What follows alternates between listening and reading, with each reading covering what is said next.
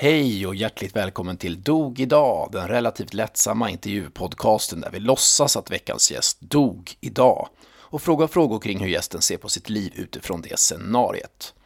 Jag som gör den här podden heter John Olsson och jag är artist, låtskrivare och stand-up-komiker. Man kan följa mig på Instagram under mitt namn John-Olsson- Min musik med personliga texter kan man lyssna på på Spotify under mitt namn John Olsson. Veckans gäst är Jonas Dillner som är standup-komiker, podcaster och nybliven pappa. Jonas berättar om ångest han hade över att bli pappa. Vi pratar om att prokrastinera, om mörkret som drabbar Jonas om nätterna när han vaknar och tänker på att andra komiker har fått bra gig. Han berättar om den pinsamma romantiska middagen när han försökte göra slut med en tjej. Och om sin nya podd där han och hans fru läser in gamla inskickade erotiska noveller och om att män också får förlossningsdepressioner. Jonas är 40 år gammal och har en sambo, en bebis och en bonusdotter. Nu kör vi igång podden med en ganska pappig syntslinga.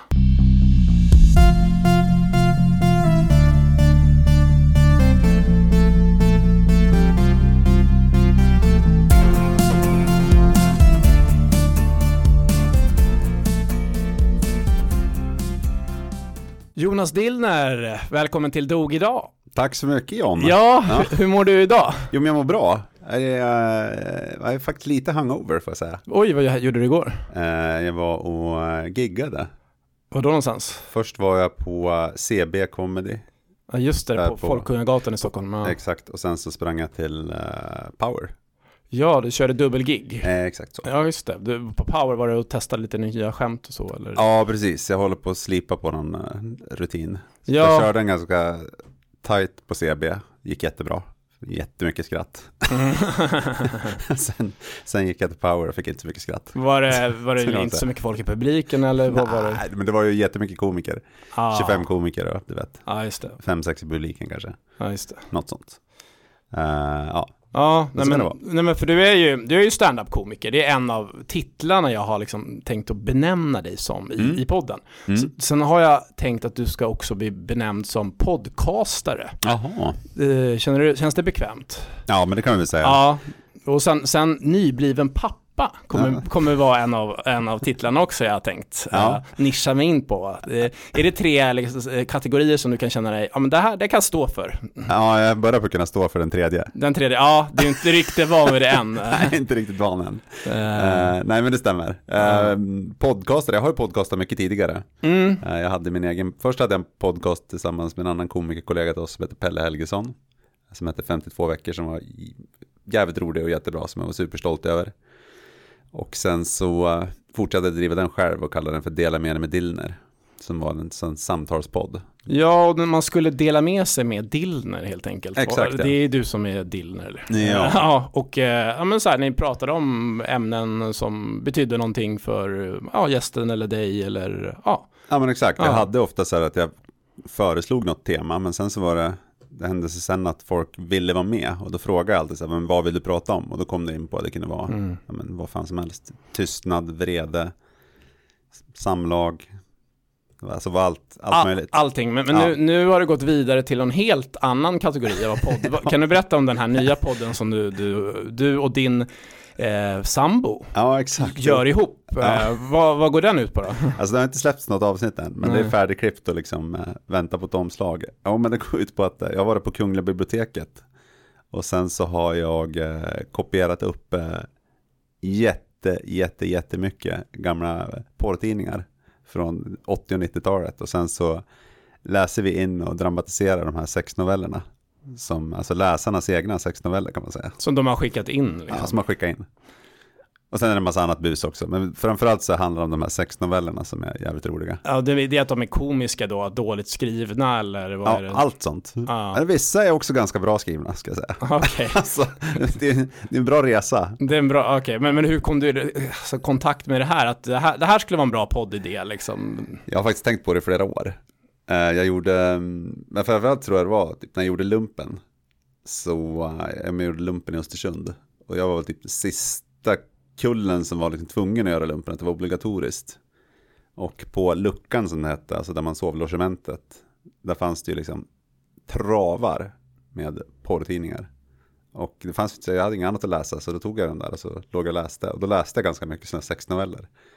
Och jag kommer ihåg dem. Alltså jag kan komma ihåg liksom vad som hände i dem idag, 20 år senare. Sen tänkte jag på det för flera år sedan att fan, någon jävel borde fan ta dem där och, eh, och läsa in dem som, som podd. Och det blev du som tog upp uppdraget? Och... Ja, precis. Jag var nära redan för två år sedan. Men sen har jag liksom skjutit på det. Men, men, men då ska det vara, alltså det ska vara, ska du säga så här, hej hej, vad kommer den här podden heta då? Eh, det lutar mot att den kommer att heta Honorarpodden. För att det hette så, alltså de här novellerna. Eh, man kunde liksom, vara någon slags kvalitetsindikator. Honorar, det är ju liksom arvode man får. Och det var ju beroende på liksom hur bra deras, eller lång de här novellerna var så fick de olika mycket pengar. Så det kunde stå honorar 400, sommarsex med moster. Men, men, Då visste man att ja, men det var 400 kronor. Och sen så kunde det vara honorar 1000 kronor. Eh, vinterknull i snöstorm. Ja men då visste man att det här är bra skit. För den har de fått tusen kronor för. Oj, det tänker du skulle vara så med stand-up också. Bara 22 000 Hasse Brontén. Ja. det står på affischen. Så. Ja. så bara Jon Olsson 500 kronor. Exakt. Och en Fanta. Exakt, Jonas Dillner. Ja. uh, nej men så där är, jag bara tycker det är så jävla kul. Och sen är det kul att, alltså jag och min sambo, det är jävligt busigt att hålla på med det där. Vi gör det liksom efter när, äh, typ när barnen har gått och lagt sig. Så sitter vi uppe, tänder ett ljus och läser de där jävla sexnovellerna. Och läser in det i mikrofonen. Liksom. Ja, exakt. Ja. Så ofta är det ju, de utspelar sig nästan alltid från ett manligt perspektiv. Så är det jag som läser först. Men sen så kommer ju hon in och är någon skolfröken eller något. ja. ja. men jag har ju själv, alltså den är faktiskt, jag måste säga att den är så jävla kul. Nu har jag inte kommit något avsnitt än, men det kommer. Ja. Antingen kommer den heta Honorarpodden, sex noveller deluxe. Eller så kommer den bara heta sex noveller deluxe. Det här honorar, det är ju lite otydligt. Det är kul när man vet det. Men, ja. men det är ett säljigt är det inte så... Ja, det är ju inte det. Det är det jag liksom har kommit fram till. Så vi får se. Sex noveller deluxe, då vet man vad det är. Jo, det fattar man ju. Ja. Vad det är. ja.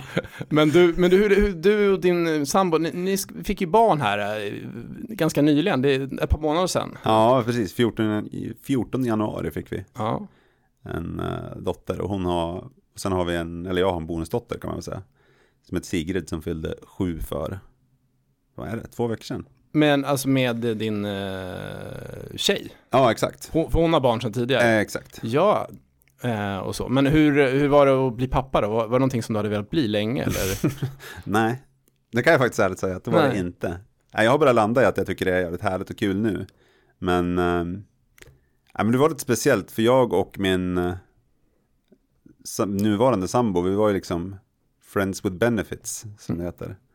Så att vi, eh, vi träffas när hon sjöng på någon opera för, ja men det är bra precis två år sedan. Ja, hon är operasångerska. Ja, exakt, hon är operasångerska. Nu har hon skolat om sig, så nu är hon byggingenjör också. Lite samma sak. exakt. Ja, men så vi träffas då, jag var scentekniker då, alltså körde föreställningen, så ljud och ljus och sånt. Och eh, ja, men sen eh, började vi mula på varandra. Ja, ja, men vi började ha samlag helt enkelt. Och mm. hade det ofta och mycket liksom. Och ja, men bara hade kul, verkligen. Det var det vi gjorde. Och så lyssnade vi på hårdrock. Och typ eh, gick på konserter och så där, hade kul. Och sen så vart det väl lite seriösare då, liksom i maj, tror jag, mitten mot maj. Så bestämde vi att, ja men fan vi kanske ska ta och göra något av det här. Men vi skulle ha ett öppet förhållande. Men jag hade bestämt ändå att vi skulle träffa, att jag skulle träffa Sigrid och hennes dotter och sådär. Så det skulle bli. Men varför vill man ha ett öppet förhållande? Men både jag och hon ville ha det. För att hon liksom var ganska klar. Hon har liksom gått igenom en skilsmässa. Bodde själv med sin dotter. Tyckte att det livet var guld. Alltså du vet, ja, men, köra varannan vecka. Kan man ut ha kul ena veckan och så. Och jag eh, har också haft skitsvårt med förhållanden. Så det var verkligen så här, men då vill man testa det. Men vi kan ändå ha något speciellt ihop. Så att eh, det blev som ett sätt att, eh, att hon inte behövde direkt hoppa in i något nytt och känna sig bunden. Och eh, ja, du ville ha det lite fritt också. Eller man kan säga. Exakt, ingen skulle känna sig bunden, så kan man faktiskt ja. säga. Det var verkligen så. Och det var, här var vi helt överens om. Tills? Tills en vecka senare. en vecka senare? ja, jag tror fan det. Men på riktigt alltså. Det var ja. på dagen, en vecka senare så vart det eh, Nathalie gravid. Och, eh, ja men vad fan, det var mycket som hände då. Jag skulle precis vara 40. Alltså, hon frågade om jag skulle behålla, hon sa att hon ville behålla barnet. Alltså att hon ville ha barn med mig. Ja. Och så frågade hon mig vad jag tyckte om det. Och så tog jag två dagar att tänka. Och sen på de dagarna liksom gick åt till att. Ja, egentligen så var det. Jag bestämde mig inte för att jag ville ha barn just då. Utan säger jag nej till det här så kommer jag ångra mig någon gång i framtiden. Och då kommer du inte få chansen igen att få barn kanske? Nej, utan jag kommer dö ensam som fan. man, kan, Nej, liksom. man kan säga att det snurrade lite i skallen de här två dagarna. Eller? Det kan man säga. Ja. Ja, men alltså, jag bara såg framför mig liksom att men jag kommer vara gammal, jag kommer inte ha några barnbarn, inga barn som kommer. Alltså ingen vill vara med mig när jag är liksom så gammal. Så då bestämde vi att vi skulle köra. Och sen... Eh, och då kände ni att det kanske öppet förhållande kanske inte passade lika bra längre eller? Ja, det, fy fan, det här är lång historia, men äh, vi slutade väl liksom så här kommunicera ganska fort. Det vill säga vi gick in i vanliga liksom förväntade normer på liksom nolltid. Uh, Vad menar du med sluta kommunicera? Nej, men alltså vi, det, det, hände någonting när hon blev gravid. Att då, då kom förväntningarna av att ja, men nu ska det vara så här. Då flyttar man ihop. Eh, det gör man. Och eh, för man vill vara med sina, alltså sitt barn. Alltså det, vart, det finns ju tusen sätt att ha en familj på. Men de flesta gör det på ett sätt. Och vi hamnade också i det. Sen vet man inte. Men, eh, äh, lång historia kort. De flyttade in hos mig i min tvåa, hon och Sigrid, i slutet på oktober. En månad senare så fick vi en fyra i Högdalen också. Så då flyttade vi ihop alla tillsammans i början på januari. Och 14 januari så kom Ava med kejsarsnitt. Och sen dess så är jag, alltså, ja, familjefar. Men var det någonting som när, när hon föddes, var det någonting som väcktes i dig då som så här, ja men nu, nu har jag kärlek för den här individen och nu ska jag, vill jag vara nära den här eller var, det någonting, vad var det, vad var det som hände då att du, du började liksom förlika dig med tanken? Nej, alltså det gjorde inte det. Jag kan säga det. Jag hade total ångest. Alltså från liksom att jag började inse att jag, att barn skulle komma så hade jag världens jävla ångest. Alltså sån ångest för jag började tänka på men vart är jag i livet? Jag har ingen jobb, jag har ingen inkomst. Vad fan ska jag göra? Jag måste göra något. Jag måste göra något av mig själv. Fort som fan ska det gå. För eh, när det kommer liksom andra jag ska ta hand om. Ja men då kommer jag tappa bort mig själv helt och hållet. Och det kommer sluta med att jag tar ett jobb som jag inte vill ha, du vet, jag kommer bli olycklig och ja, jättemycket sånt där. Och sen så har ju, alltså, det låter alltid mörkt, men det var ju mysigt också. Men jättemycket sånt där gick och snurrade i mitt huvud, alltså jävla dåliga tankar. Men det där har successivt blivit bara bättre och bättre och bättre. Uh, så nu är ju fan uh, livet great. Ja men vad, är, vad, vad har du för stadie nu då? Vad, vad, hur känner du idag liksom? Ja, men nu känner jag, nu längtar jag ju hem. Alltid. Till, till ja, den till, lilla? Ja, men till Ava och till Sigrid och till Nathalie. Mm. Och eh, Sigrid då, som är min bonusdotter, hon bor hos oss varannan vecka. Och ja, men de veckorna vill jag knappt gå ut. Men det är väl lite kul att då har du någon som är lite äldre också som du kan prata med och hänga med. Alltså din, eh, ditt eget barn kanske inte kan prata och diskutera liksom filosofi och sånt där eh, riktigt än. Så. Nej. Nej. Nej, precis. Nej, men det, så det jag vet inte. Jag har ju aldrig, jag har aldrig tänkt att jag skulle ha barn. Och jag hade ganska mycket gett upp på det. Uh, så det var, nej, jävla, det var väldigt speciellt. Men det var ju också så överväldigande att gå från, jag menar, i slutet på oktober då bodde jag ju själv. Och gå från det till att ha liksom tre stycken individer och liksom ta hänsyn till det skulle ju för fan ge Hulken ångest. men, men, men, men, är det så att du går runt på stan och tänker Ja, jag är pappa. Ja, ja jag är pappa, det är inget konstigt med det. Jag, jag är pappa, familjefar. Ja. Nej, men alltså det kommer ju, ibland kommer det sms från Nathalie och Sigrid har sagt någonting. Att hon, ja, men hon längtar till fredag för då kommer Jonas hem om jag har varit iväg och jobbat eller något sånt där. Och då känner jag ju, men fan, alltså, jag har en familj som eh, saknar mig och älskar mig. Det hade jag inte förut. Det var det ju bara jag. Och det var ju ganska jävla sorgligt det också. Så att livet är bättre nu kanske, kan man säga. Du, livet är mycket rikare nu. Och det tänkte jag inte innan. Alltså jag tänkte att livet blir fattigare. det kommer bli smalt och likriktat. Alltså det kommer bara vara familj. Så kommer det bli. Men eh, så är det ju inte. Utan det är mycket rikare nu. Nu har jag en familj och jag fortsätter göra samma sak. Och jag får stöd av en familj hemifrån. Så det är ju så helt, helt magi. Om du har varit på en klubb och ett skämt inte har flugit, då går du hem och bara Nej, det där skämtet om den här pingvinen, det gick inte. Exakt så. Exakt så är det. Då går jag hem och så lägger jag mig i ja. Nathalies knä och skamgråter. Ja, nej men för då har du gjort en, ändå en ganska stor resa. För du är, du är född i Jämtland från början. Mm.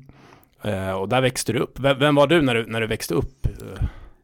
Alltså jag var ganska, när jag växte upp så var jag väl, eh, alltså i skolan och sådär så var jag jävligt högljudd och jobbig filur. Så här bråkig. Eh, jag tror kanske till och med vissa skulle säga att jag var lite av en mobbare. Sådär. Vadå, att du sa elaka saker till folk och så? Ja, till vissa. Sådär mm. vet jag. Det har jag, så mycket har jag liksom rannsakat mig själv. Uh, det här var liksom under några år när jag var kanske mellanstadietiden. Kanske framförallt. Men sen efter eh, alltså högstadie och gymnasiet så här, då var jag fortfarande högljudd men då, då var jag väldigt snäll. Och ja, höll på med musik. Mm. Sjöng dödsmetall och... Ja, just det. Ja, för nu, du känns ju ganska liksom lugn och, och sansad nu. Mm. Liksom. Mm. Hur, hur gjorde du den övergången? För att det var någonting som hände. Du, du, du flyttade till Stockholm. Var, varför gjorde du det? Det var ju, jag flyttade till Stockholm 2004. Um, ja, alltså det var också så här, vi hade fått nog. Jag jobbade extra på en on-off butik på Östersund. Det enda jag gjorde var väl typ supa, hamna på fyllehäcken och sånt. Oj, det var så brutalt. Ja, det var mycket fylla där. Alltså riktigt så här hård fylla. Jag åkte in på, jag fick så många prickar så att de övervägde att ta mitt körkort. Trots att jag inte hade kört bil. Alltså jag hade inte gjort något olagligt, det enda jag hade gjort var att hamna på fyllehäcken. Typ. Men, men varför blev det så mycket fylla då? Nej, men det var så man växte upp. I alla fall jag. Att det var en mindre, liksom, uh, mindre by eller uh, ja, där, man, ja, där man gjorde så. Det var det man, enda man kunde göra. Ja, alltså det var bruksorten jag växte upp som heter Tandsbyn. Det var en sån här liten by på 500 pers. Där var det hemkokare i säkert varannan gård. Det skulle jag tro. Så jag drack jättemycket sådana hemkört och hemmagjort vin och du vet, sånt. Åkte på dans och söp och härjade runt. Så jättemycket sånt. Och det där höll liksom i sig fram till då, typ. Att jag bara, nu drar jag. Jag hade en kompis som hade flyttat ner, som hade en lägenhet som jag fick bo i. Så åkte jag ner och så bodde jag här ett år. Och sen så flyttade jag till eh, Örebro och pluggade i fyra år. Ja, vad pluggade du då? Jag pluggade medie och kommunikationsvetenskap med inriktning film. Ah. Så jag är filmvetare. Okej. Okay. Jag kan väl berätta, alltså jag tror jag är ganska säker på att det var den eh, 2004 när jag flyttade hit. Den hösten som varit att jag lugnade ner mig lite grann. För då gick jag en kurs på eh, Folkuniversitetet som heter Skapande personlighetsutveckling. Mm, ja. ja. Mycket sådana här, eh, ja men typ mindfulness och du vet avslappningsövningar och sånt där gjorde jag. Tolv kvällar höll jag på med det där mycket meditation och grejer. Kommer ihåg att det var två poliser som höll i den där kursen. Hur kommer det sig att du började gå den då? Ja men det var ju, för det var väl typ antingen det eller om jag skulle gå till psykolog. Och jag har fått för mig att jag tyckte psykolog skulle kosta så 1500 spänn per timme. Ja men för du mådde inget bra alltså? Nej jag mådde inget bra. Det. Nej så det kan man lugnt säga. ja. Jag kan säga att det var morsan som skickade mig på den ja, där alltså, kursen. Det, men det, ja. nej, nej. Hon var inte så jävla glad att jag skulle flytta överhuvudtaget. För det var, ja. Mm.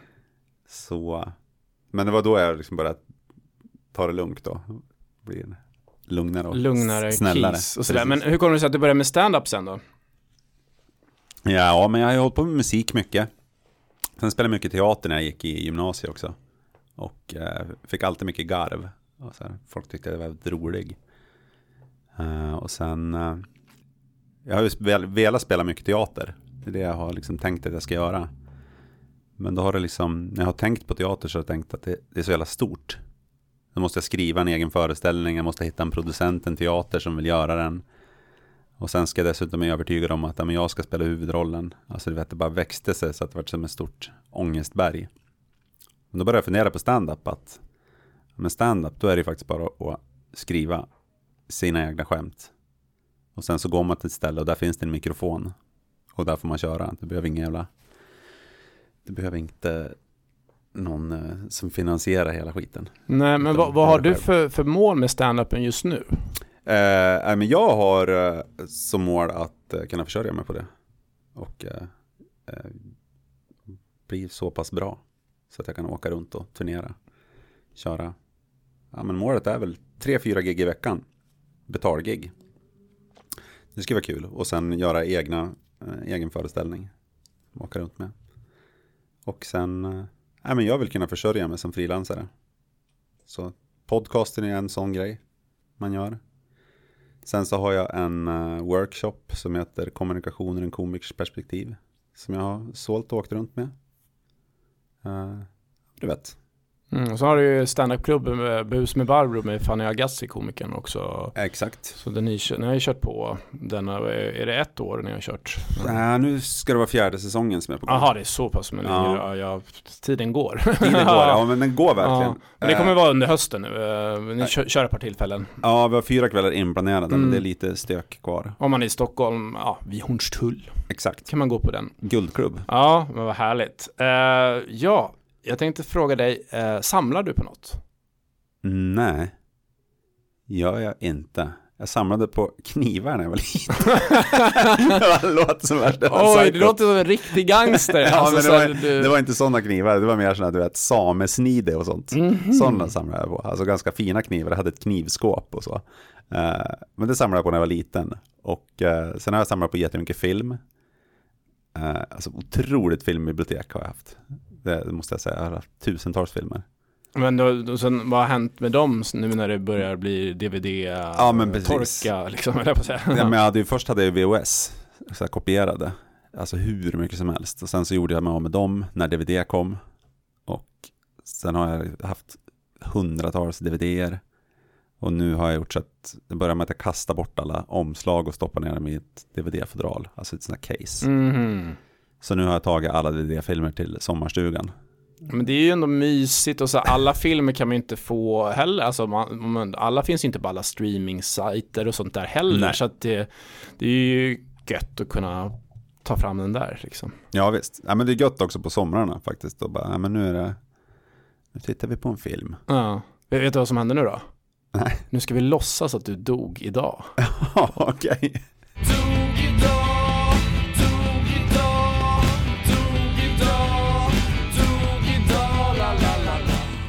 Jonas Dillner, om, mm. om, du dog idag, vad skulle du vara mest stolt över att du uppnådde i ditt liv? Min dotter. Ja. Nej, jo men det skulle jag väl såklart. Men eh, vad fan skulle det vara då? Nej, jag, är fan, jag är skitstolt över ganska mycket musik som jag spelar in. Det finns, jag spelar in ganska mycket musik, men det är inte något som har nått ut. Men, men har du alltså, har du ute på Spotify någonting? Eller? Nej, Nej du har inte det. det. Nej, det ligger något på Soundcloud. Finns, okay. det, finns det något. Uh, det är ingen som går in och lyssnar där. Nej, det är det inte. Nej. nej. Men, eh, nej, men jag spelar in alltså, musik. Jag var ju en jävel på att sjunga. Alltså. Svinbra när jag var, alltså dödsmetallsångare. Jag var ju, jag skojar fan inte, men jag började ju liksom när jag var 14 bast. Och det här var kanske 92, 93 eller någonting. 13 kanske jag var till och med. Och eh, på den tiden då var det inte så jävla mycket dödsmetall ska jag säga. Och jag var så jävelusiskt bra på att sjunga. Men det är också så här, om du körde så länge, då utvecklas man också om man börjar så tidigt med det. Men, men heter det att man growlar? Ja, man growlar. Ja, eller hur? Ja, men jag, grejen är den att jag gjorde det då under något år och sen så la jag ju ner. Jaha, du gjorde bara det? Jag trodde ja. att du hade kört så här. Nej, sen la, nej, sen la jag ner och sen så hoppade jag på det igen när jag flyttade till Örebro och började plugga. Mm. Och då gjorde jag det liksom i eh, några år där med några polare och spelade in eh, så här riktigt jävla bra grejer. Och sen så uh, flyttade till Stockholm och då hoppade jag med ett nytt band som hette World Battering från Södertälje. Som också var svinbra. Och eh, vi spelade in en skiva. hade skitdålig stämning i studion. Så vi spelade in den där skivan, sparkade trummisen. Och sen la vi ner. Det var typ det. Så det, vi la liksom en jävla hög med pengar på att spela in en platta och som eh, men ingen alltså, har hört. Men, men vad, vad, vad, vad, ligger det bara någonstans, Nej. filerna liksom? Ja, jag har det på en bränd CD-skiva hemma. Men varför liksom... släpper inte det då? Nej, men alltså, vi pratar inte med varandra. Jaha, ni var så osams? ja, det vart liksom, det bara, det bara dog ut. Oj, men varför blir man osams då? Alltså det var, det som hände var att trummisen kroknade när vi kom till studion.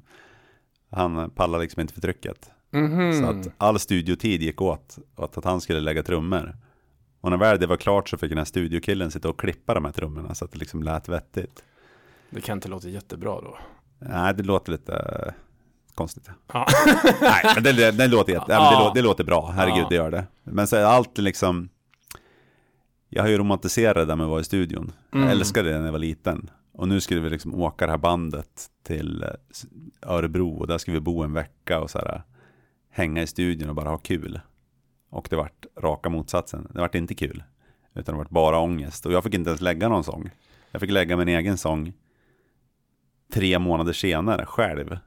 Så fick jag åka till Örebro och, och lägga den. Så jag hade liksom ingen... Ja men det kan jag känna igen, just att där när man spelar i band och sådär, jag har också gjort med så popmusik och sådär, just att man att det är svårt att komma överens. Alltså man vill, Ja. om folk vill olika vägar och så jag fattar ju att så här band splittras och, Mm.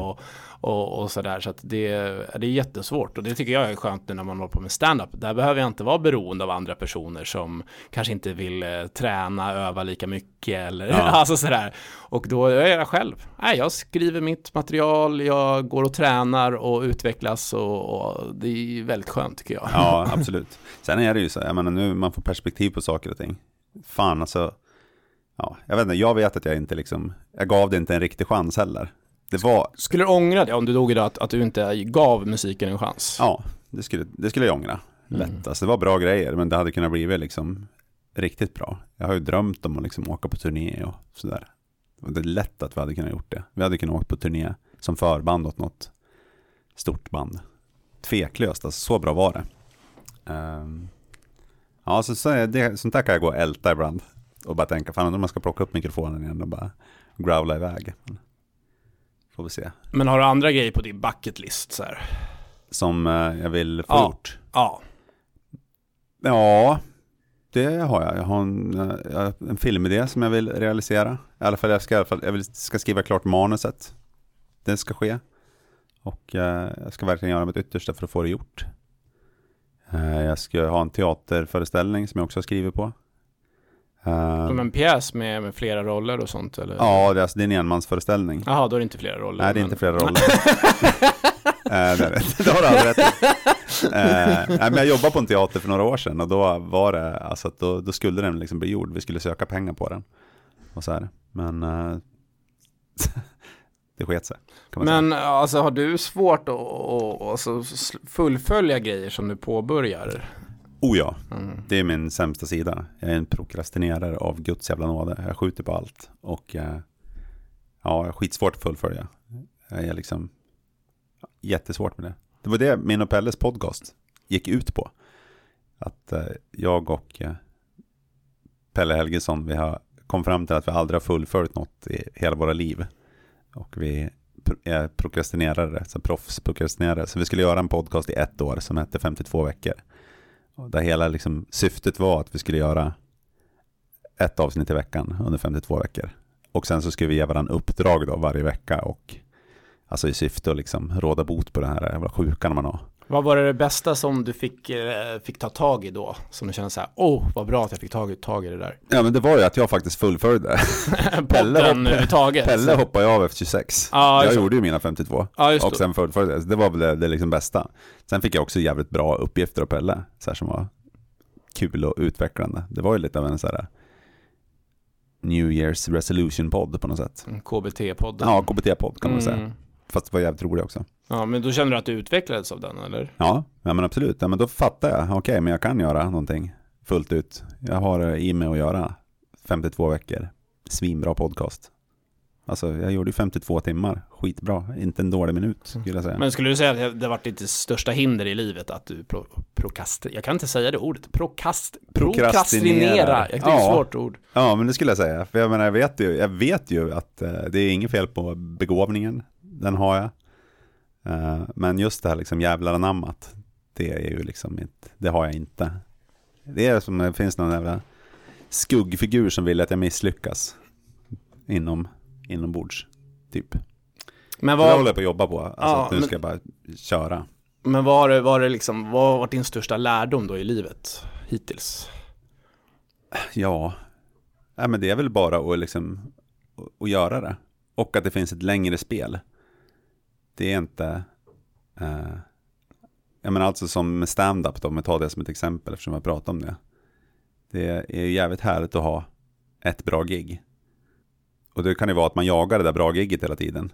Men gör du riktigt många gig och blir bra på det, ja men då kan du ju ha jättemånga bra gig. Så att den här övningen liksom ger ju någonting. Gud vad det var luddigt kände jag. Nej, ja, du menar egentligen att det är just att man bygger upp någonting under lång tid. Att ja. Det behöver inte spela roll varje enstaka tillfälle, men alla enstaka tillfällen blir som en händelsekedja tillsammans som gör ett resultat i slutändan som blir något större. Eh, exakt. Mm. Tänker så också med min familj. Det har jag verkligen fått hamra i med. Okej, men här finns det ett längre spel. jag kan inte bara liksom lacka ur och dra här. För det blir skitdåligt. Ja. Det kan kännas bra en sekund. Sticka ut och liksom göra något helt jävla värdelöst. Men eh, det kommer inte bli liksom bra om 20 år.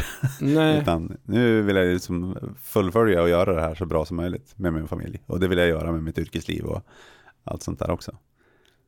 Men då känns det som att du ändå utvecklas i rätt riktning. Ja, ja, ja det gör jag. Men om du hade blivit förvarnad en vecka innan du dog, ja. vad skulle du göra under den veckan? Krama mitt barn. Nej, mm. jag vad fan skulle jag göra då? Uh, ja, hörru du. Jag skulle väl se till att den veckan var så jävla ångestfri som möjligt. Det, det, skulle jag göra. Jag vet inte hur man skulle göra det. Men fan, kanske åka någonstans där inte vardagen gör sig påmind överhuvudtaget. Paradisö. Ja, en jävla paradisö. Och, eh, Pina colada. Pina colada. Och eh, ja, man skulle kunna säga, jag, vet klassiskt svar är att men jag skulle ta alla droger som fanns. Mm -hmm. är, det, är, det, är det ett klassiskt svar? Ja, det tror jag folk brukar säga. är det så? Ja. ja, men det är väl lite sån där, när jag blir gammal. Ja, men det har jag hört folk säga, alltså, ja. så, men, men, men inte, inte ja. ja. Men det skulle inte jag göra, för jag tror att jag skulle få så fruktansvärt mycket ångest. Ja, det låter inte så klokt. Nej, men jag skulle åka någonstans, eh, ja men kanske till en paradisö då, där det fanns mycket skog. Och där skulle jag kunna vandra runt och klampa runt på grenar och sandstrand och simma och bada och sådär. Ja. Vad, vad, har, vad har du annars för relation till döden? Mm, ja, jag tänker på den mycket jag Alltså, man, jag har ju varit ganska depressivt lagd i mitt liv. Så man har ju tänkt på den. Som att, ja, jag har inte gått runt och varit suicidal. Men alltså, man har ju tänkt på det som en utväg ibland. När man bara, när, eh, bekymren hopar sig. Vilket sker för folk som prokrastinerar. Hux flux så har du en jättehög med fönsterkuvert och du har eh, eh, dålig ekonomi och du har. Alltså, det känns som att man aldrig kommer komma ur det, att man är fast i någon kvicksand som drar en neråt. Precis, och det där har jag liksom verkligen suttit i. Alltså att jag har, för jag, för jag har en tendens att skjuta på saker och låtsas som problemen inte finns. Eh, och då kan det vara att man bara, men nu tar man fan the easy way out. Men det sagt, jag är inte liksom självmordsbenägen, men då går man och tänker det. Men sen till slut så blir det ändå att man bara, okej, okay, nu tar vi tag i den där jävla högen med kuvert och nu ringer man morsan och farsan och frågar om man får låna pengar. Och så kommer du vidare och så kommer man till vidare. livet bort från de där. Ja. Vilken, vilken, är, här, vilken är den vanligaste fördomen om dig? Det tror jag är att jag är en eh, klassisk vit straight snubbe. Det tror jag. När folk säger mig så tror jag de tänker alfa. det tror jag. Tror du det? Ja, det tror jag. Alltså att, att folk tänker om mig det är att jag är en uh, vanlig vit snubbe med dåliga värderingar. Det tror jag. Mm -hmm. Har du varit med om det att, att du har fått en, eh, att, att någon har, eh, vad ska man säga, eh, bemött dig på det sättet? Ja, det har jag varit. Att, men det tycker jag att jag har blivit. Ja, helt klart. Speciellt jag har ju rört mig mycket i kultursvängen. Och där är det ju, det är ju vi, vita män ett skällsord ungefär. Uh, och då får man förklara att men, uh, mig kan du inte bunta ihop med de där. Det går inte. Inte alla män. Inte alla. Nej men alltså det där är så jävla sjukt. Jag skulle aldrig säga det. Men de gånger jag har blivit ihopbuntad med alla män. då har det brunnit. Alltså jag blir så jävla sned. och då blir du en av de där männen. Ja, då blir man en av dem. Ändå. Kan liksom inte hjälpas. Nej, det där är konstigt alltså. Uh, Nej men, men, för jag får den här bilden av att som att när du pratar om det att du var yngre där och drack hembränt och, och svina utav bara ja. grisen liksom. Ja. Uh, att då, att du kanske var det då. Ja. Men sen har det liksom transformerats till någon lite lugnare, upplyst man. är, är, är det genom den här kursen eller? Alltså så att den bilden jag har av dig idag är mer att du att du, in, som du säger nu, att du inte vill framstå som en sån person. Ja, ja men det, så är det ju nu. Uh, absolut. Men det fanns väl någon, uh, alltså den man var när man var ung, det var också ett skådespel. Alltså så tuff och cool var man ju inte. Utan man hade ju sin ångest då också. Men var kommer den där ångesten ifrån? Vad, vad är det som sätter igång att du... Eh, jag vet inte. Jag tror att, jag, jag, jag går inbilden om att det har att göra med prokrastineringen att jag har haft väldigt mycket drömmar.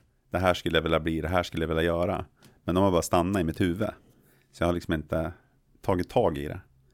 Och då är det så här, Alfons Åberg, eh, jag ska bara, och så gör något annat istället och så ja, blir det inte av. Precis. Och då, alltså, då får du ångest för att det inte blir någonting. Ja, alltså det kan ju vara söka scenskolan. Mm. Jag var jätteduktig på teatern när jag gick på gymnasiet exempelvis. Jag vann stipendier och sådär. Och då kan jag få en bild av mig själv att, men helvete, det är ju hur skådespelare du ska bli. Såklart. Men då ska man ju liksom gå ut gymnasiet och sen ska man ta sig ner till Stockholm och man ska söka den där scenskolan. Och det gjorde jag ju aldrig. Och det, sånt där kan jag haka upp mig på. Att det är det som, att jag inte tog tag i de där grejerna. Men det kanske inte var rätt. Alltså om man vill det tillräckligt mycket, då tror jag att man, då gör man, kör man hårt. Ja, är det så? Jag vet inte det. Fast man, man, kan, det, det kan, alltså, man behöver en skjuts först kanske och ja. komma igång. Men sen tror jag passionen ja. måste få löpa och då gör man det man vill liksom. Ja, ja. men jag tror ju då, alltså jag, det, eh, jag tror att man liksom får vissa liksom eh, färdigheter i det här. Man tar, jag tror att det finns jättemånga som vill spela basket lika mycket som Michael Jordan vill göra det, exempelvis. Men det han hade var ju liksom det här jävla supergoet. Att bara liksom köra på. Uh, alltså jag vet inte, jag tror... Men vill de lika mycket då? Ja, jag tror det. Mm. Alltså jag vet att jag vill lika mycket som många andra. Fast jag inte har gjort det. Uh. Alltså att man liksom kan fastna i en sån här tanke, tankevurpa också. Att det fastnar liksom i huvudet på en. Men jag tror inte det betyder att man vill det mindre. Nej, det är bara att du inte har färdigheten och ta upp det. Du måste träna väldigt mycket för att sätta igång saker. Ja, alltså. Um, ja, men våran bransch är ju ganska liksom, tävlingsinriktad får man säga. Det gäller att ligga på och höra av sig till andra liksom, klubbägare och komiker och sådär och tjata på att få komma och köra. Jag är inte så bra på att tjata på det. Men jag märker ju att eftersom jag själv driver klubb så finns det de som tjatar på mig. Och bara för att de tjatar mer än vad jag gör, tänker jag att det betyder ju inte att de vill det mer än mig. Jag vill det lika mycket, men jag har det liksom inte i mig att skicka de här jävla mejlen. Nej, just det, att det tar emot så himla Det tar emot så mycket. Och så bara, åh, jag skulle vilja, jag skulle vilja, men ja. åh, nej, jag pallar inte göra det här. Nej. Ja. Jag fattar. Ja, det är väl någonstans där, dit jag vill. Ja. Äh... Men, men har, har, du något sånt tillfälle i ditt liv där du har skämts väldigt mycket? Ja. det finns väl hur många som helst, höll jag på att säga. Vad? Jag, jag har ju liksom jävligt svårt att säga nej till folk. Väldigt svårt.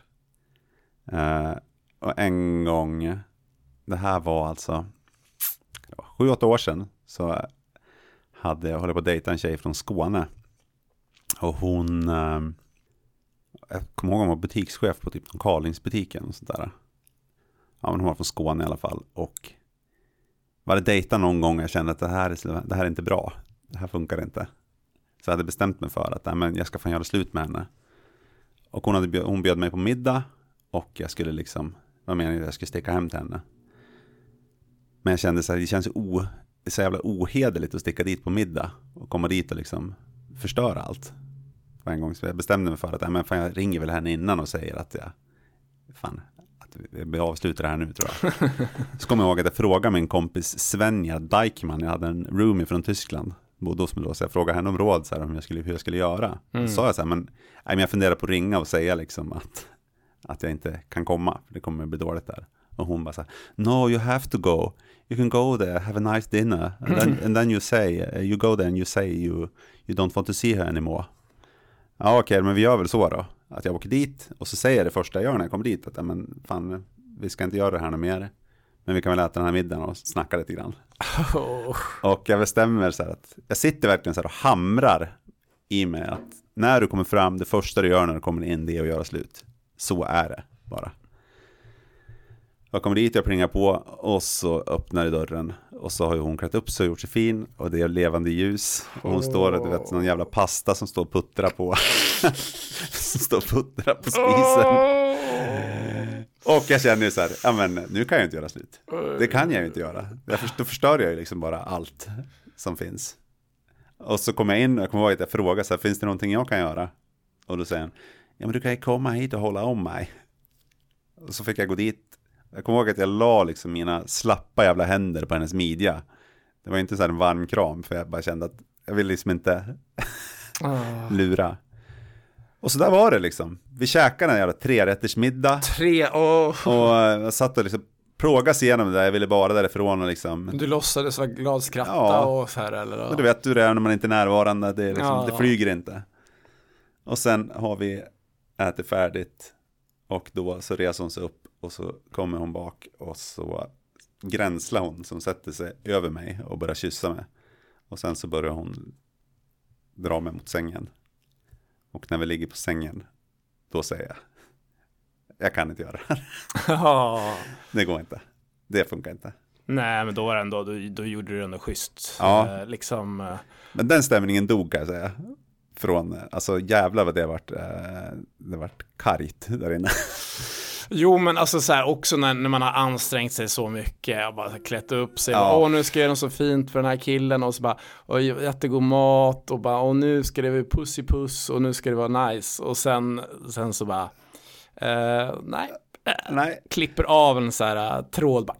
Ja, men hon skrev ett meddelande efteråt som var inte mysigt att läsa kan jag säga. Det är inget du har satt upp över, över hemma, nej, hemma nej. över din barns eh, kammare. Nej, det är det inte. Nej, men då, då skämdes jag. Fy fan, jag läste det. Så jag mådde så jävligt dåligt så att det fanns inte. Det men, men liksom... samtidigt så här måste, måste man ju vara ärlig och säga som det är. Mm. Jag, jag, tycker det är jätteviktigt att man, om man är, om man säger, nej men man vill avsluta, och det tycker jag är schysstare också när någon annan är ärlig och säger så här, men nej, jag vill inte ses dem Alltså så här. Mm. Så att det är ju schysstare. Vad skulle du gjort annars då? Skulle du bara, nej nu, nu låtsas jag vidare. Skulle det vara schyssta? Så nej. Det, det, det, var, så det blir ja, lite men det är så jag, Det är väl så jag brukar göra, mm. låtsas vidare. Men det, eftersom jag vet att jag själv är så jävla svag, skulle jag ju ha ringt innan. Och bara, tyvärr, det här, vi gör inte det här. Det kommer, jag vet ju liksom när jag åker dit, att det här, det här kommer inte gå bra. Jag känner det. Mm. Ja, herregud. Ah, jäklar. Så kan det vara. Nej, har du träffat på henne på stan? Nej, jag har inte det. Fast jag har gått in och kollat hennes Facebook-profil för några år sedan. Jag tror hon hade blivit förälder. Men eh, det enda jag undrar över, varför var det viktigt att hon var skåning? Vad var det? Detaljen i storyn. Jag bara, när kommer det här med skåningen att göra? Liksom? Ja, men jag är från Jämtland, jag gillar inte skåningar. Nej, det har något med det att göra. Ja, ja. Ni är sen jättenorrut, jättesöderut. Ja, ja. ja jäklar. En fördel med nu att du är död är att du får träffa vilken eh, känd död person du vill. Ja. Vem skulle det vara? Då skulle jag träffa Alltså idoler som jag har haft som är döda så finns det väl egentligen tre stycken tror jag. Alltså som har varit riktiga, riktiga idoler som är döda. Det är Marlon Brando, Allan Edwall och Ernst-Hugo Järegård. Okej. Okay. Och jag skulle nog fan ta Ernst-Hugo Järegård. Okej, okay, då ska jag få träffa honom. Ja. Hej! Det är jag som är Ernst-Hugo. Hej! Hej, varför vill du träffa mig för då? Ja, jag älskade dig i riket. Ja, du gillar mig som skådespelare. Ja, du var bäst i Skånska mord. Skånska mord. Ja, när det var den där mjölnaren det otroligt. Släpp fångarna loss till vår Ja, älskar den också. Där var du ganska charmig till och med. Annars var du mest äcklig. Du tyckte jag var äcklig. Ja, det är inte så trevligt. Varför ska vi träffas här i himlen då om du tycker jag är äcklig? Nej men du spelade äckligt. Du spelar äcklig, okej. Okay, Ja. Så du tycker jag är skicklig som Ja, skådespelare? otrolig. Ja, vad ska vi hitta på då nu när vi träffas här i himlen? Vet, kan inte du berätta några roliga anekdoter från Dramaten? Du och Ingmar Bergman, ni hatar ju varandra. Det har man ju hört om. Jag har ingen härlig historia om vilket svin han var. Jo, det, det kan jag berätta i flera timmar. Ja. Ja, där fick du träffa Ernst, Ernst Hugo där. Ja. Så, så var han. Eh, vet, Ja. vet, vet du vad som händer nu då? Nej. Nu ska gå in på lite mer dramatiska programpunkten Förklara dig. Ja, okej. Förklara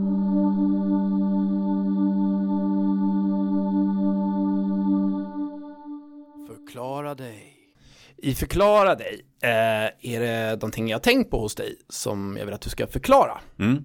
Eh, och eh, då är det en grej som jag tänker som, det är lite mer åt fördomshållet, att jag tänker att du är en person som, eh, som kanske så här, att eh, det känns som att du skulle, det har svårt att ta kritik om någon ger dig kritik, att du tar det personligt och att du sen bör älta det och börja avsky lite den här personen som har sagt det här. Mm. Stämmer det på något sätt? Det stämmer. Ja. Det stämmer jättebra. Det. Hur kan det te sig liksom? Eh, alltså faktum är att vi, jag och min sambo har ju pratat om det här jättemycket nu. Eh, det här är så jävla värdelöst för man, jag känner mig så usel. Men eh, jag har känt mig väldigt så här, kritiserad av nästan varje ord hon har sagt under ja, någon månad nu. Alltså jag, har ta- jag har tagit allting som en personlig kritik. Jag vet inte hur jag ska förklara det. Men vad är det de kan säga då? Så här, du bara, ja vi borde köpa nya morötter. Du bara, va? Nej, men, nej, men ja, vad fan, eh, Sigrid fyllde år för några veckor sedan. Då hade vi gjort några jävla, eller hon hade gjort några bakelser. Typ. Och sen så var det någon gräddklick på den jävla bakelsen. och så sen så skulle jag slänga på sylt. Jag, jag hjälper till, ska jag lägga på lite sylt? Ja, jag tänker att det ska vara en liten klick sylt uppe på grädden. Och så tar jag en liten klick sylt på grädden. Och så hör jag, oj vad mycket grädde.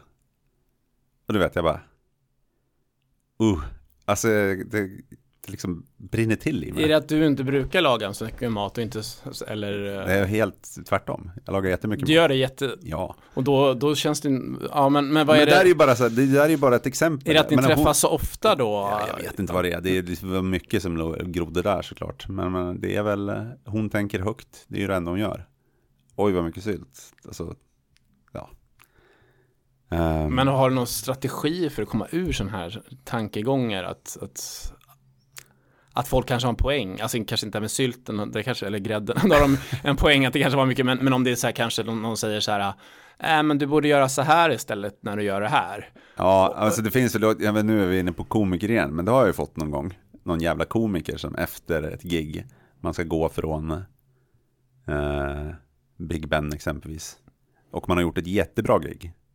Alltså jag kommer ihåg specifikt en gång, det kanske är tre år sedan, två och ett halvt, tre år sedan. Som jag gjorde ett jättebra gig. Jag var så hög som ett hus efteråt. Och så ska vi liksom eh, gå hem och jag går med en komikerkollega som säger Ha, det där alltså. Folk vill inte, folk vill inte höra dig prata om det där.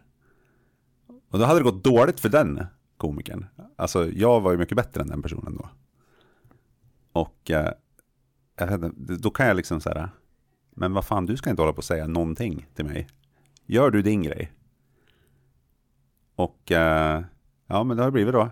Hur jag kommer ur det, jag kommer inte ur det. Nej, så att, men, men kan du efter en period ändå acceptera den personen som människa? Ja det kan jag göra. När du träffar den igen, Ja, så har ja. du börjat lite så här, eh, ja, okej, men nu kan vi prata som vanligt igen. Men, Ja, ja, ja. det där är alltså, det, det är lugnt. Men jag har ju inte bjudit till någon av mina klubbar. det har jag inte gjort. Men det är så, det, Ja, det, det är det, hatet eh, finns kvar där ändå. Ja. Ja, men alltså, det, fan, det finns många andra som jag kan bjuda. så du behöver inte ta med Ja, den. Ja. Skulle den personen fråga så skulle jag kanske säga, ja men det kan vi väl fixa. Ja. Eh, men det är ju sådär, alltså, fan när man är sådär glad och liksom lycklig, alltså, då vill man ju inte ha kritik. Då vill man kunna rida på den vågen och sen kan man sticka hem och analysera själv. Mm. Ehm, men mycket sådär kring, kring stand-up, när folk ska ha åsikter om det kan jag bli helt skogstokig. Jag körde på en um, kille som heter Erik Burger.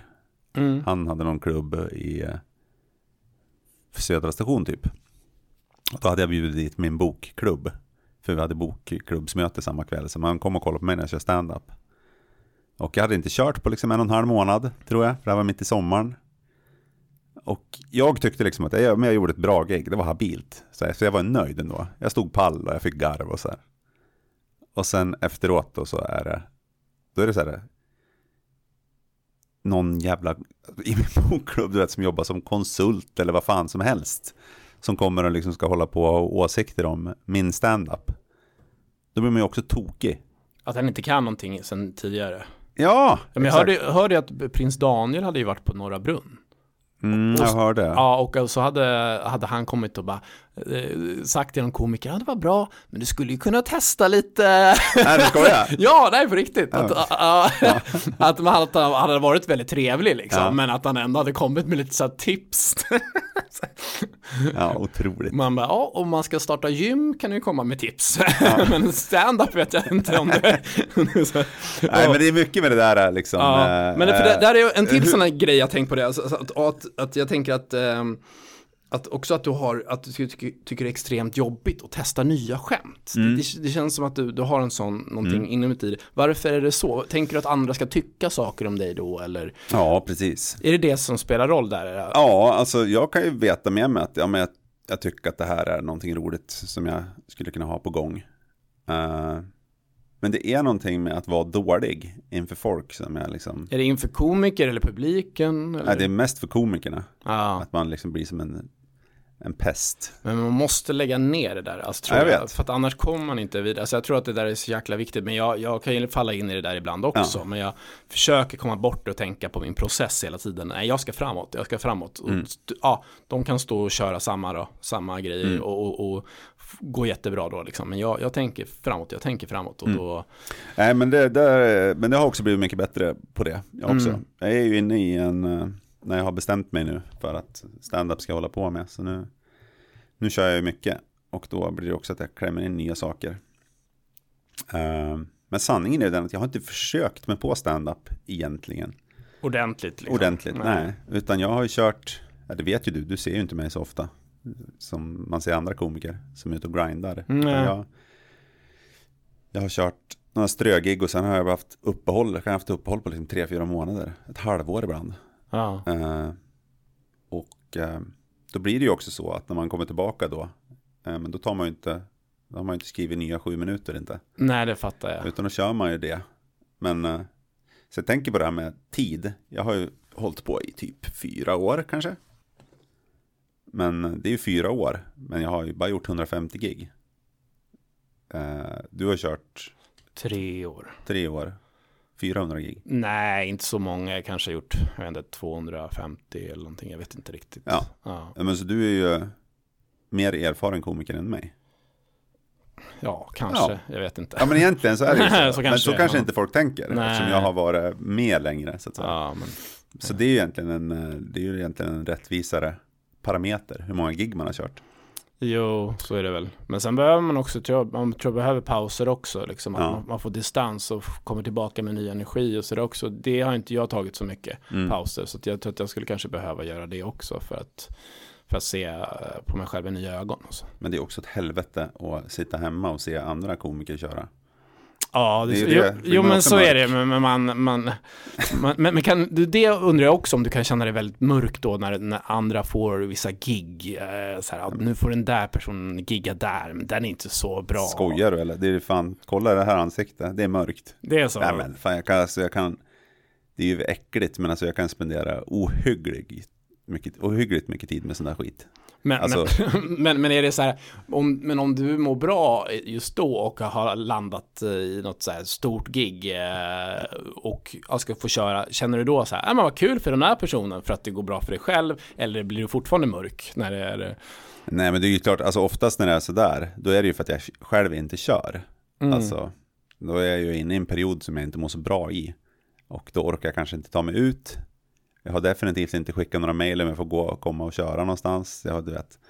Och då kan jag ju liksom, om jag ser, ja, ja men för fan, nu får väl du agera då. Jag ser John Olsson kör i Uddevalla som du gjorde igår. Ja, Alltså i en dålig period, då kan jag ju liksom bara, fy fan, det här, varför i helvete inte jag i Uddevalla? ja. Ja, och så sen så inser jag, okej, okay, men det är ju för att Uddevalla vet inte vem jag är. jag har inte hört av mig dit. Alltså så alltid, alltså hur, hur man tar sig ur det där, det är ju att man får liksom vända sig inåt lite grann och titta på. Vad beror det här på? Att John är i Uddevalla och inte jag. Ja, men det är ju för att John har gjort ett jävla bra jobb. Du har varit iväg. Ja, men du är rolig. Jag har inte gjort ett bra jobb. Jag har inte varit iväg. Har inte varit rolig. Alltså, men det är så man, det blir liksom så. Ja, men så då blir det liksom... väl en självrannsakan att man, ja. alltså, jag känner så att ofta att jag bara så nej, jag har inte gjort tillräckligt med jobb, jag måste ja. jobba hårdare Exakt. för det och då, då sen kan man nå, nå man resultat bara, shit, det funkade att jobba hårt. Ja, men det var ju så, nu har jag ju liksom jobbat hårt. Då har jag bestämt mig för att men nu ska jag jobba hårt. Och eh, då har jag också gjort en riktigt bra gig. Och igår så kom det fram en, eh, men nu var jag på Carl Bildt, gick jättebra. Och då kom ju liksom andra komiker fram och sa, fan alltså det går ju svinbra för dig nu, du har ett glow.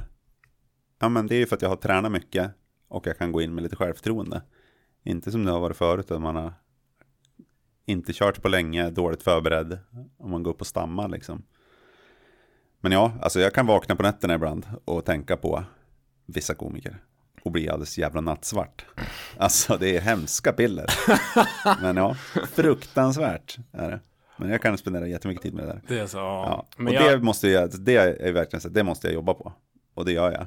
Och liksom tänka på. Att, mm. Men fan, den personen jobbar ju mycket mer än mig. Den personen är rolig. Uh, ja. Men det ska bli jättekul att se när du kör nu, köttar nu under hösten och ja. se nya grejer du gör och sådär. Så det ska bli svinkul. Mm. Men vet du vad som händer nu då? Nej. Nu, nu ska jag hämta den. Sitt kvar. Ja. Ah. Dödskallen! här ställer jag upp dödskallen på borden och det betyder att eh, du har tagit igenom dig i den här podden. Den här dödskallen, jag var ju som du sagt, jag var ju och giggade i Uddevalla igår och ja. så kom jag direkt eh, från tåget till dig och, och, och eh, poddade här idag. Ja. Så att jag har liksom burit med mig på dödskallen hela, den har tagit upp nästan hela min väska ja. eh, nu på resan. Så att jag känner mig dedikerad till det här avsnittet. Ja, men fan fint. Jag är hedrad. Men hur, hur kändes det att vara med här i podden då? Alltså det var skitroligt. Du är fan svinduktig på det här. Ja, vad kul. Alltså verkligen. Eh, jag vet inte, det var bra flyt. Och, eh, alltså jag är alltid nervös när jag ska vara med i en, eh, liksom en, en podd. Att jag inte ska komma med något. Det var ju väldigt eh, modigt att du vågade vara så öppen där med din papparoll, hur det har varit och sådär. Mm, men det där tänker jag jättemycket på. Vi pratar också om det mycket hemma. Och... Så det blir ingen chock hon lyssnar på avsnittet bara Har du känt så här? Nej, det blir det inte. Nej, hon märkte det så ganska, där ganska Varför ska hon låta så där förstår jag inte heller.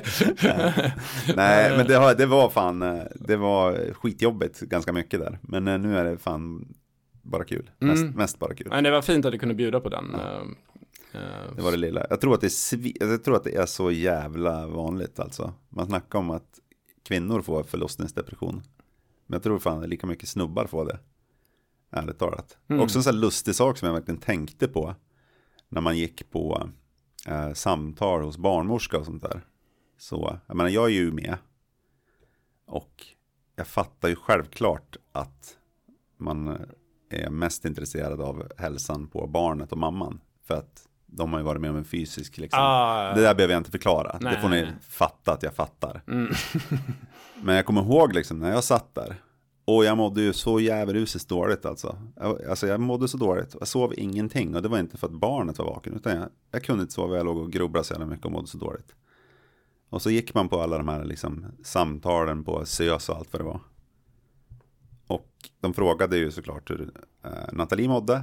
Frågade hur barnet mådde. De frågade aldrig mig hur jag mådde. Jag tyckte det var så jävla lustigt. Liksom, att, men fan, jag mår ju skit här. Ser de inte det? De borde liksom fråga. Så då har jag faktiskt tänkt att eh, många liksom jävla uppbrott och skit som sker kring liksom småbarnsåren. Det skulle kunna komma ur att ingen frågar hur liksom de här papporna mår. Utan de ska liksom bara klara sig på egen hand. Mm. Det här nya existentiella jävla eh, nya livet. Så ja. att eh, fråga papporna mer hur de mår helt enkelt. Ja, men jag tycker faktiskt det. Det kan man ja. faktiskt göra. Ja. Det är inget, alltså man kan fråga eh, dem som tredje person. Man kan fråga dem minst. Ja, exakt. Fråga men någonting kan man fråga i alla fall. Ja, ja. men det var ja, det... Helt, eh, helt koko grej. Ja, jag fattar. Men vad, vad händer här nästa Ni, ni kör bus med Barbro, standupklubben här i Stockholm mm. under fyra tillfällen sa du? Ja, fyra ja. tillfällen. Och sen så kommer vi köra, kommer jag faktiskt hålla i kvällar på Pitchers, Mariatorget. Ja. Som eh, jag har tagit på mig att hålla i kvällar där på söndagar från mitten på oktober. Är det hur ofta är det då? En gång i veckan. En gång i veckan? Var, det är söndag. bra, just det. Och jag, jag kommer att komma någon gång dit också, jag fick någon tid av dig ja, ja, precis innan. Så det, det, kan vi göra lite reklam för, för, lite senare. Det kan man, ju, man kan ju se kanske alla dina, vad du håller på med på Instagram. kan man ju verkligen göra. Jag har också en sån hemsida. Vad heter du där på Instagram då? Eh, Jonas Dillner. Ja. Sen vill jag även plugga min uh, workshop. Jag har kört den för uh, lite företag. Den var jätteuppskattad som teambuilding uh, workshop. Den eftermiddags workshop som heter kommunikation ur en komikers perspektiv. Så uh, hör av er så kan jag komma ut och berätta mer. Ja, det låter bra. Ja. ja. Uh, och uh, mig kan man följa på Instagram också. Ja. John understreck Olsson understreck och min musik med personliga texter kan man lyssna på på Spotify under mitt namn John Olsson. Ja, och, och min, ni som är lite nyfiken på dödsmetall då, sök på Jonas Dillner på Soundcloud så kommer ni hitta gammal. Och där är dödsmetall, okej, okay, då kan man ja, hitta dem där. Exakt, min favoritlåt är Crippled by Life. En av världens absolut bästa dödsmetalllåtar. Okej, okay, Crippled by Life. Ja. Det passar ju till, till, till det här temat med podden också. Exakt. Ni har lyssnat på Dog idag med mig John Olsson och veckans gäst Jonas Dillner. Ha det bra!